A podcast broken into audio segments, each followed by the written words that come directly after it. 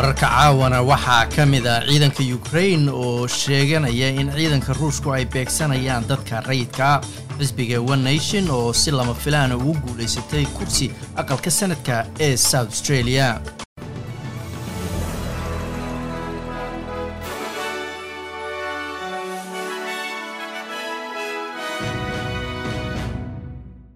aanse ku bilowna khasnajiga dowladda federaalka george fridenberg ayaan wax weyn ka soo qaadin tirada sicir bararka maanta la shaaciyey oo aad u sarreysay oo aada uga sarreysay tiradii la filayey iyadoo hadda gaartay shan dhibic hal boqolkiiba saddexdii bilood oo u dambeysay oo maarsa ku ekaydna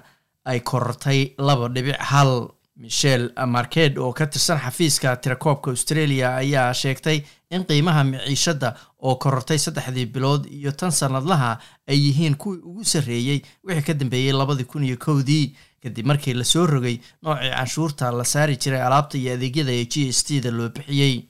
laakiin mr fridenberg ayaa kororka ku tilmaamay wax aan saa u buurnayn isagoo oo sheegay in tirada maanta la soo bandhigay aysan ka turjumayn saameynta siyaasadda isbahaysiga ee canshuuraha la saaro shidaalka. Wuxuu sheegay in tiradan ay ka turjumayso dhacdooyinka adduunka oo aan gacanta ugu jirin ayuu yidhi isbahaysigiisa.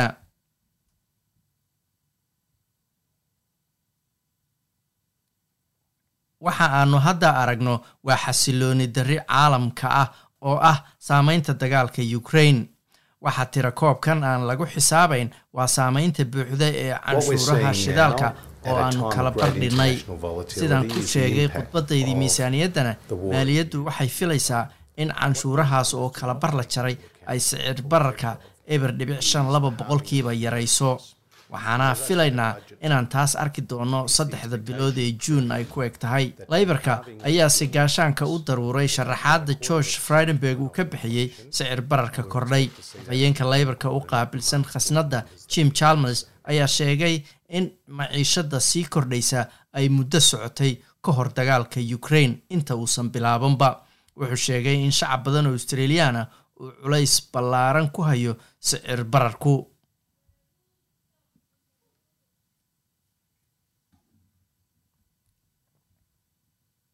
waa saddex dharbaaxo oo scott morrison uu ka mas'uul yahay sicir bararkii oo cirka isku shareeray lacagaha dulsaarka oo kordhay iyo mushaarka oo hoos u socda ama hoos u dhaca ayuu yidhi tirakoobka maanta soo baxayana intaas ayuu ka hadlayaa. tirakoobka sicir bararku waa inay hurdada ka kicisa ayuu yidhi dowladdan aan waxba la socon qorshaha lahayn wakhtigeediina uu dhammaaday. sida loo kala helay codadkii south australia kadib doorashadii aqalka sare ee maarso ayaa maanta lagu dhawaaqay. Xisbiga one nation ee pauline hanson ayaa heshay hal kursi oo baarlamaanka ah taasoo ah markii ugu horreysay taariikhda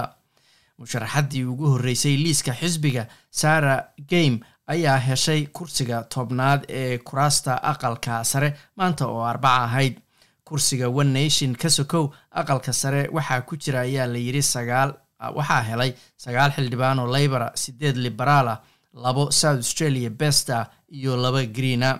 layborka ayaa u baahan taageerada ugu yaraan saddex xildhibaanada madaxa bannaan si loo ansixiyo shuruucda dalka kadib markii xisbigu guul weyn uu ka gaaray doorashadii u dambeysay. Tasmania ayaa noqotay gobolkii ugu dambeeyey oo ka takhallusa ama tuura shuruudaha la xiriira dadka xanuunka covidku ku dhacay dadka la kulma. Gobolka ayaa soo afjaraya shuruudihii karantiilka laga bilaabo caawa habeenbarkii kadib markii go'aano noocaasa ay gaareen maamulada kale ee dalka asbuucyadii la soo dhaafay.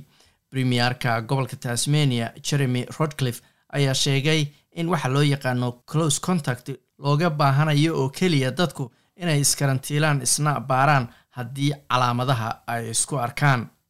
Wuxuu sidoo kale sheegay in dadkaasi looga baahan yahay inay iskaga baaraan covid nneteen-ka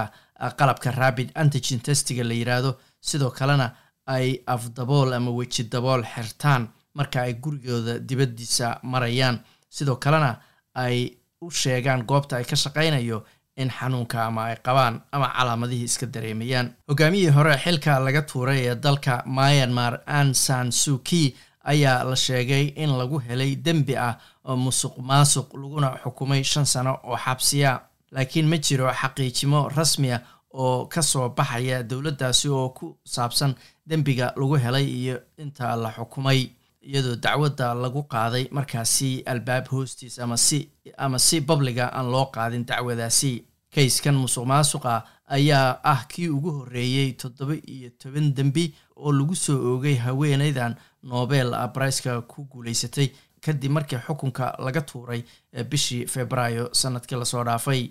Taageerayaasheeda iyo khubrada dhanka sharciga ee madaxa bannaan ayaa markaasi dhaleeceeyey qaabka maxkamaddu ay u socotay ciidanka ukraine ayaa sheegay inay u suuro gashay inay dad rayida ka soo daadgureeyaan jiidda hore ee dagaalka dombas deegaanka la yidhaahdo kadib markii ay ku eedeeyeen ciidanka ruushka inay beegsanayaan dadka rayidkaa iyagoo duqeeyey baa layidhi tuulooyin yaryar oo dadkaasi ay deganaayeen muuqaalo laga qaaday tuulada olexandrevik ayaa muujinaysa beero hore loo garaacay oo mar kale la duqeynayo oo sida la sheegay ay ciidanka ruushku yihiin kuwa duqeymahaasi u geystay tuulooyinkaasi. Askarta ukraine ayaa sheegay inay u suuro gashay inay qof walba ka saaraan aagaas dhowrkii maalmood ee u dambeysay.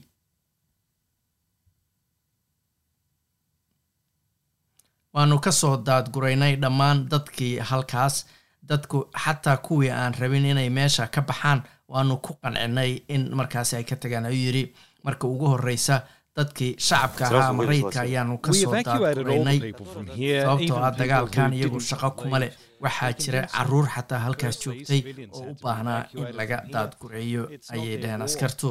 dhanka kalena madaxweynaha ukraine volodimir zelenski ayaa sheegay in gantaalaha ruushku ay dul mareen saddex warshadaha nucleerka sameeya ee dalkaasi. Khudbadiisii maalinlaha ahayd ee dhanka muuqaalka ayuu zelenski waxa uu sheegay in ciidanka ruushku ay gantaalo ku soo rideen sobrishaya meesha la yidhaahdo halkaas oo ay ku yaalaan baa la yidhi laba warshadood oo nucleerka ah. Maamulayaasha caasimadda kiyev ee dalka ukraina waxa ay tuureen sanab markaasi ka taagnaa magaalada dhexdeeda muddo tobaneeyo sana kaasoo astaan u ahaa baa layidhi saaxiibnimada labada dal waa ruushka iyo ukraine. Taaladan oo la yidhaahdo taaladii saaxiibnimada dadka ayaa saarnayd meel ku dhow webiga denbier kadib markii dowladdii sofiyeetku ay ukraine siisay iyo siddeetan iyo labadii laakiin golaha deegaanka kief ayaa go'aansaday inay meesha ka qaadaan iyaga iyo weliba lixdan kale oo taalooyina oo caasimadda yaalay. Naadiya ovlova waxay ka mid tahay dadka degan caasimadda kief waxayna sheegtay in ay ogoshahay in taalooyinkaasi ama raalli ay ka tahay in laga tuuro meelihii ay saarnaayeen. In la tuuro ayay ahayd bay tiri soddon sano ka hor laakiin hadda laftigeeda way fiican tahay in meesha laga qaado. Waqti dheer ayaanu sugaynay ayay tiri saadaasha hawada berita oo khamiisa magaalada sydney. Waa xoogaa roobaba iyo shan iyo labaatan digrii melborna waa daruuro iyo labaatan iyo saddex digrii halkii australian dollar maanta waxaa lagu sarifayay toddobaatan iyo kow senti oo lacagta maraykanka ah